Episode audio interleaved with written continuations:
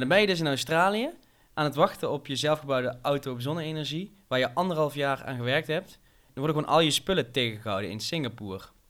Dat is echt even de grootste ramp die je je maar kan voorstellen.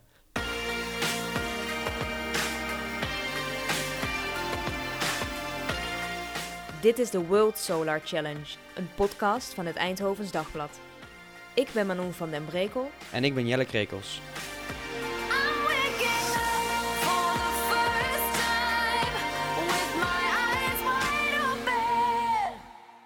De studenten zijn dus echt um, ruim een maand van tevoren ehm, naar Australië gegaan om zich voor te bereiden op eh, de World Solar Challenge. Maar de zonneauto kwam maar niet. De auto op zonne-energie en de accu waar ze zo lang aan gewerkt hebben, die bleef achter in Singapore. Luchtvaartmaatschappijen wilden de accu niet meer vervoeren, omdat die misschien wel spontaan in brand kon vliegen. En de zonneauto ehm, werd tegengehouden bij de douane in Singapore. Hoe hebben ze dat opgelost? Ze hebben daar eh, vanuit Australië, iedereen die ze ook maar een beetje konden mobiliseren, die iets voor hen zou kunnen betekenen, hebben ze voor een karretje proberen te spannen en op die manier druk proberen uit te oefenen om die spullen dus zo snel mogelijk in Australië te krijgen. En ja, echt met man en macht, bloed, zweet en tranen eh, is het dan uiteindelijk gelukt om veel later dan gepland, dus met een enorme vertraging in hun voorbereidingstijd, ehm, alsnog te kunnen gaan beginnen en gaan testen met die auto. Wat is die World Solar Challenge precies? De World Solar Challenge is een ehm, duurzaamheidsrace waarbij eh, technische universiteiten van over de hele wereld een eigen auto maken die op zonne-energie kan rijden. En waarmee ze dan dwars door de Australische outback gaan rijden. Van Darwin in het noorden naar Adelaide in het zuiden.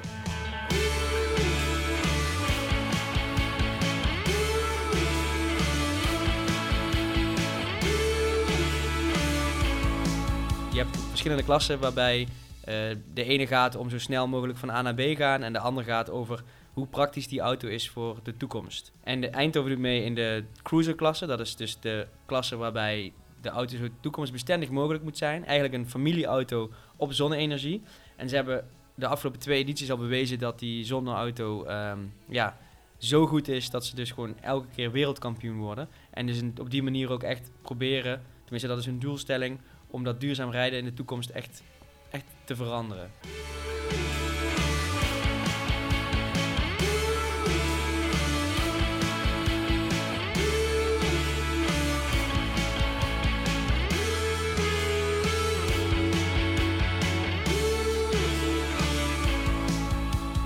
Er is ook één student, is een van de grondleggers van, de, eh, van het Solar Team Eindhoven. En die heeft nu een eigen start-up opgezet, Lightyear. En ehm, hij heeft als doelstelling om voor 2025 100.000 zonneauto's op de weg te hebben. En hij moet daar nu 30 miljoen voor hebben. Hij heeft pas een prijs gewonnen ook. Hij probeert die financiering op alle mogelijke manieren rond te krijgen. En hij gelooft dus echt heilig in het concept van die zonneauto en om die op de weg te krijgen. Hoe lang duurt die rit? Nou, soms zit je echt wel, eh, kun je wel eens 12 uur in de, in de auto zitten. Eh, en het is een rit van 3000 kilometer, dwars door die eh, woestijn. Dus ja, zweten gaat het sowieso worden. Hoeveel dagen mogen ze daarover doen? De rit duurt van zondag tot en met vrijdag. Ik denk dat we vrijdagmiddag een keer eh, Adelaide binnenkomen rijden. Jij reist met die TU-studenten mee door Australië. Ja, ik vlieg eh, naar eh, Darwin om daar die studenten te ontmoeten. Het zijn er 22 in totaal. Allemaal van de Technische Universiteit Eindhoven. En op 8 oktober begint daar die World Solar Challenge. Vertrekken ze dus vanuit Darwin. En rijden we in het konvooi mee achter de auto Stella V aan. Dat is hun auto. Echt een auto die dus voor een familie geschikt moet zijn. Om, om meerdere mensen te vervoeren. Ze gaan er ook met z'n vijven in. De hele route van Darwin naar Adelaide.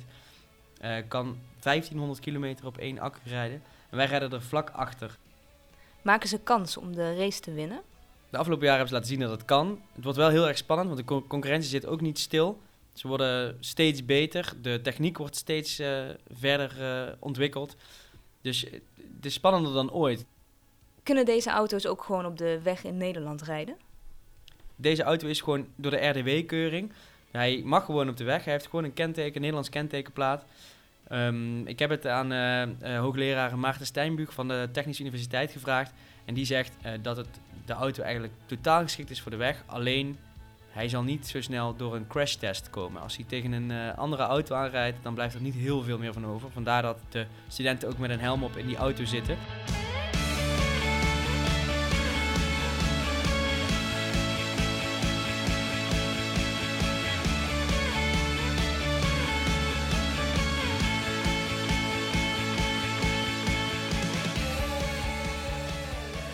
Heeft het wel zin om voor zo'n duurzaamheidsreis met z'n allen helemaal naar Australië te vliegen? Er zit natuurlijk wel iets dubbels in. Met z'n allen van over de hele wereld naar Australië vliegen om eh, inderdaad daar mee te doen aan een duurzaamheidsrace. Ik heb door Milieu Centraal uit laten rekenen wat mijn eh, milieubelasting is ehm, als ik van Amsterdam naar eh, Darwin vlieg. En het blijkt nou dat, dat ik evenveel CO2 uitstoot als een gezin van twee personen. In, gemiddeld in een heel jaar aan elektriciteit en aardgasverbruik. Dus dat is echt een enorme berg CO2 die je uitstoot. Ehm, maar goed, eh, Milieu Centraal zegt ook, deze studenten zijn zo baanbrekend bezig en laten zo zien wat die technologie van die zonnepanelen, eh, wat die kan, wat, het, wat die in zich heeft, dat ze ook alweer dusdanig veel toevoegen aan het debat over eh, duurzaamheid en hoe belangrijk dat is en hoe misschien wel toegankelijk het ook is, dat het ehm, misschien wel gerechtvaardigd is. Ze zijn wel echt bezig met, eh, met een revolutie ontketenen in dat duurzaam rijden. Want wat je ziet is dat eh, hier in Nederland vooral die elektrische auto's zoals de Tesla heel erg veel eh, verkocht wordt. En dat komt omdat wij die infrastructuur gewoon heel erg goed op orde hebben. Dus hier staan laadpalen, je kan overal terecht. je, zal nooit niet zo snel met een lege accu komen te staan. Maar er zijn nog altijd veel meer landen in de wereld waarbij die zon altijd onophoudelijk blijft schijnen. Maar waarbij die infrastructuur gewoon totaal niet geregeld is. En dan kun je met zo'n zonneauto dus wel alle kanten op. Want dan kun je gewoon wekenlang eh, met die auto op en neer rijden. Zonder dat je daar ook maar ooit bij een benzinestation of een, laadpaal hoeft te komen. Ieder jaar wint er wel een Nederlands team. Of het nou de, het team van de Universiteit in Twente is, of eh, het team eh, uit Delft of uit eh, Eindhoven. Is het niet een beetje een Nederlandse race geworden daar in Australië? Het is eigenlijk altijd wel een vrij oranje top 3, zeker. En het motto van dit jaar is ook Take on the Dutch. Dus ze zijn heel erg geneigd om die... of Ze zijn heel erg keen om die mensen van, eh, van, van hier eh, eh, de lage landen te verslaan. Wat gaan we precies van jou horen eh, in de tijd dat je daar zit? Nou, we gaan Solar Team Eindhoven in woord, beeld, audio en eh, video volgen. Dus als je op ed.nl eh, blijft klikken, dan blijf je daar altijd op de hoogte van, eh, eh, van die race. Om de paar dagen maken we ook een podcast om iedereen op de hoogte te houden van de vorderingen, van de spannende, spannende tijden die de studenten doormaken.